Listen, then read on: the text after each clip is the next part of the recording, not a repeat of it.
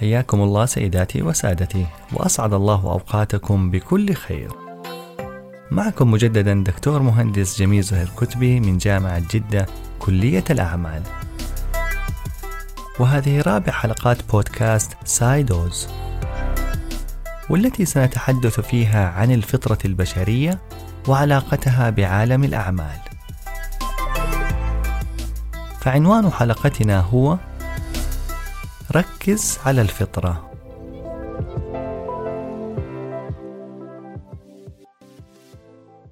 يرى البعض أن رواد الأعمال غالبا ما يفتقرون للخبرة والحس والدراية ولذلك ينجح القليل منهم ويفشل الكثير. وهذا مفهوم خاطئ لعدة أسباب ووجهات نظر مختلفة. سنقوم اليوم بتفنيدها بحول الله.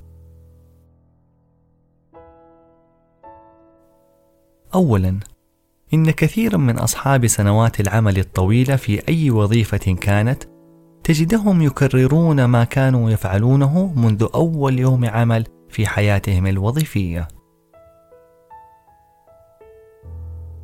وهنا يكون منظور الخبرة هو التكرار. لكن التكرار يتعارض مع مفهوم الإبداع، فمن يكرر لا يبدع، ومن لا يبدع لا ينجح. فالأصالة والتجديد في الأفكار وتفردها وتميزها هو سلاح رواد الأعمال في هذا القرن. ثانيا إن الخبرة لا تعني بالضرورة أن صاحبها قد قام بتجربة طرق عمل جديدة. فلو خلت الخبرة من التجربة والخطأ لكانت مجرد رقم في السيرة الذاتية للموظف. فمن لا يخطئ لا يتعلم ومن لا يتعلم لا يعمل. فغالبا ما نجد المغامرة لا توجد في قاموس هذه الفئة من الموظفين.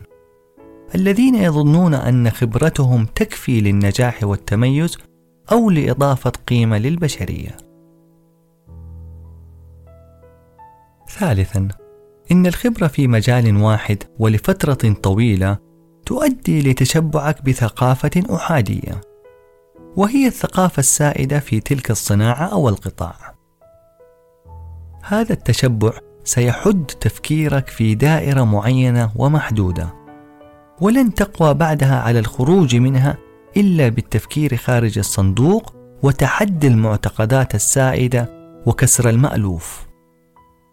فلا تكن أحادي المهارة فتصبح كما يقال وان تريك بوني أو شخص ذا حيلة واحدة. وبذلك يمكن الاستغناء عنك بكل سهولة. رابعا إن بعض أصحاب الخبرة إلا من رحم ربي يعيشون حالة رعب وعدم أمان وظيفي. وذلك بسبب التهديد المستمر الذي يواجهونه يوميا من كفاءات صغيرة السن ممن يملكون مهارات جديدة يتطلبها السوق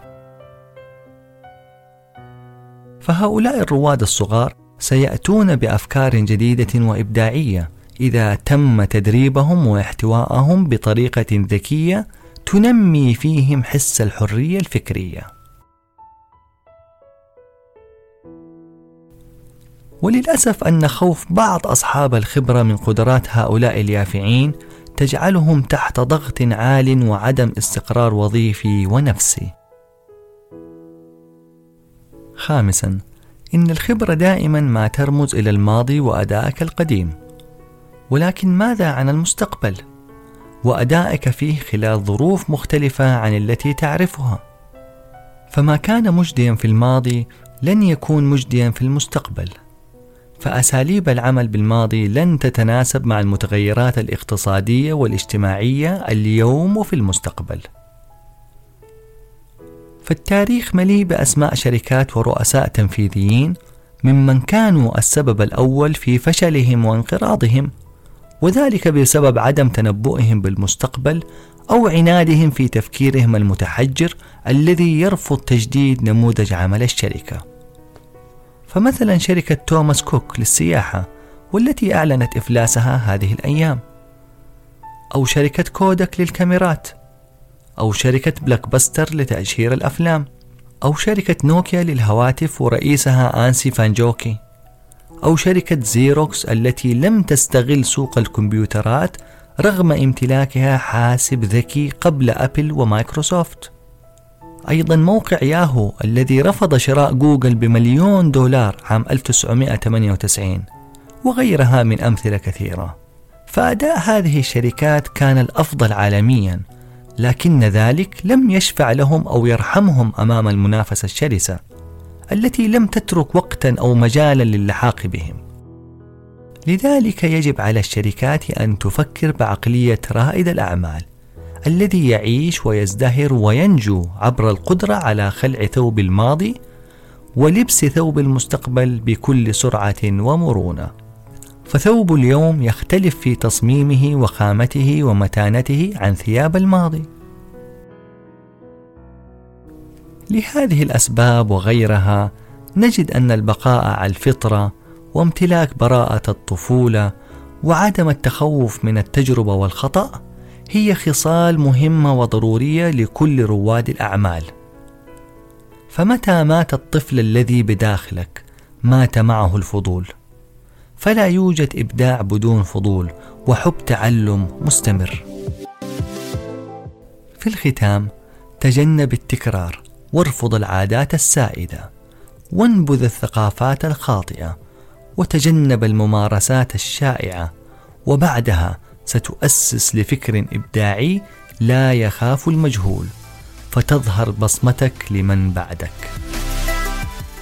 يقول آينشتاين قمة الغباء أن تقوم بنفس العمل مرارا وتكرارا وتتوقع نتائج مختلفة كل مرة. فمان الله.